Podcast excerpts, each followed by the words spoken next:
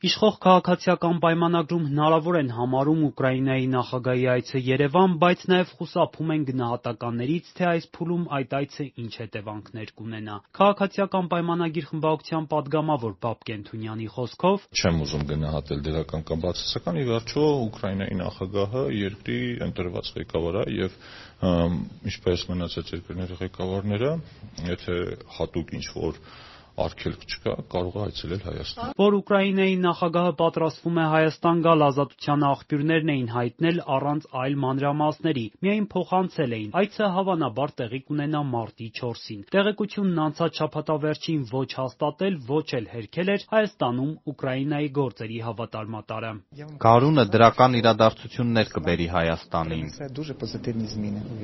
Հայաստանի արտգործնախարարությունից ևս չէին հերքել՝ հայտնելով, որ բարձրաստիճան այցերի մասին պատշաճ ժամկետներում պաշտոնապես իրազեկում են։ Հայաստանի ու Ուկրաինայի ղեկավարները դեմ առ դեմ շփման հնարավորություն ունեցել են անցած տարի հոկտեմբերին Գրանադայում։ Եվրոպական քաղաքական համայնքի երրորդ համաժողովի շրջանակում կարճ հանդիպումից հետո Զելենսկին սոցցանցերում գրել էր, որ դրա ընթացքում նա ու Փաշինյանը կենտրոնացել են Հարավային Կովկասում տիրող անվտանգային իրավիճակի վրա։ Ուկրաինայի շահերից է բխում, որ այդ տարածաշրջանում բնակվող ազգերի միջև կայունություն և բարեկամական հարաբերություններ տիրեն։ Այս հանդիպումից հետո էլ արդեն Մալթայում Ուկրաինայում խաղաղության հաստատմանը նվիրված երրորդ համաժողովի ժամանակ հանդիպեցին Հայաստանի անվտանգության քարտուղարն ու Ուկրաինայի նախագահ Վլադիմիր Զելենսկու աշխատակազմի ղեկավարը։ Ուկրաինացի պաշտոնյան Գրիգորյանի հետ հանդիպումից հետո հայտարարել էր, թե հայ-ուկրաինական հարաբերություններում նոր կոնտեքստ կա։ Թե խոսքն ինչի մասին էր, կողմերը չէին հստակեցրել։ Վարչապետ Փաշինյանն օրերս վերահաստատեց՝ Ուկրաինայի հարցում Հայաստանը Ռուսաստանի դաշնակիցը չէ։ «Ֆրանս 24»-ին տված հարցազրույցում ասել էր՝ այն, ինչ տեղի է ունենում Ուկրաինայում, Ալմա-Աթայի հռչակագրի խախտում է։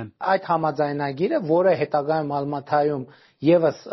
Խորհրդային Միության նախկին ևս 9 հանրապետություններ միացել են, երկու բանի մասին. Է։ Առաջինը, որ Խորհրդային Միությունը դադարում է գոյություն ունենալ,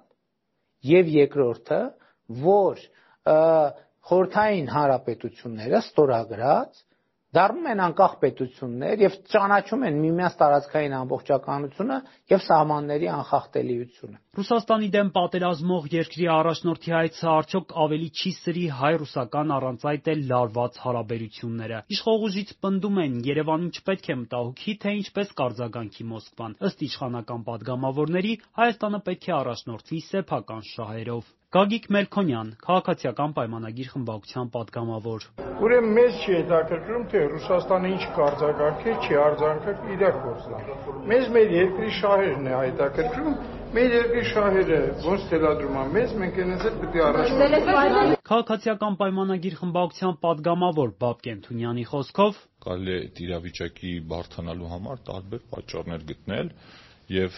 եթե մենք ինքնիշխան երկիր ենք, մենք ինքներս ենք որոշումներ կայացնում շատ դեպքերում այն քայլերը, որոնք Հայաստանի Հանրապետությունը կարող է եւ կատարում է որպես անկախ սուվերեն երկիր, այդ քայլերն էլ կարող են որոշակի տրամադրություններ առաջացնել, նայած որ տեսանկյունից ենք այդ ամեն ինչին նայում։ Դրանցով պետք է չարացնել։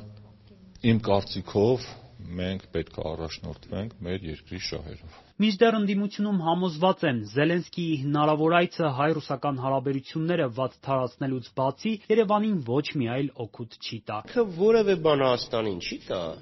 որևէ բան չի տա։ Իսկ բացական առումով եմ ասում, ինչ ինչ իմաստ ունի լարել հարաբերությունները որևէ երկրի հետ։ Լավ, թողենք Ռուսաստան։ Այս պայմաններում ինչ իմաստ ունի լարել հարաբերությունները որևէ երկրի հետ հանուն ոչինչի։ Ընդդիմադիր Հայաստան խմբակցության պատգամավոր Արթուր Խաչատրյանի համար տարօրինակ է պատերազմի այս փուլում ինչու է Զելենսկին այցելելու Հայաստան, ինչ նպատակով։ Հիշեցնում է Զելենսկին հայտնի է Ադրբեջանի վարչակազմի նկատմամբ ջերմ վերաբերմունքով, նա Արցախի հայաթափումից շատ չանցած էլ Իլհամ Ալիևի ծննդյան շնորհավորական ուղերձում շեշտել էր. «2023-ին Ադրբեջանը վերականգնեց ամբողջական ինքնիշխանությունը»։ Ես որևէ ռացիոնալ բացատրություն չունեմ ինչի է ինքը գալիս որևէ ռացիոնալ բացատրություն չունեմ, այո, այդ հայտարարության հետ ես ծանոթ եմ, խոսում է, որ եթե հարաբերությունը մեկը մեկուկեսին չլինի, հրետանային պոտենցիալի, ապա իրենք տարածքներ են կորցնելու, հա, այս պայմաններում անելու չգիտեմ, կարծեմ ինքը շատ ավելի լուրջ բաներ ունի իր երկրում, բայց այդ էլ ինքը իր երկիրը ինչ ուզում ա թողանի։ Զելենսկիի հնարավոր այցը ոչ Հայաստանի, ոչ էլ Ուկրաինայի կառավարությունները դեռ պաշտոնապես չեն հաստատել։ Պարզ չէ նաև այցի օրակարգն ու նպատակը։ Ի դեպ, Ազատության դիվանագիտական աղբյուրները հայտնել էին, թե Զելենսկին նաև Բաքու է մեկնելու։ Արտակ Խուլյան, Շողիկ Գալստյան, Ազատություն ռադիոկայան, Երևան։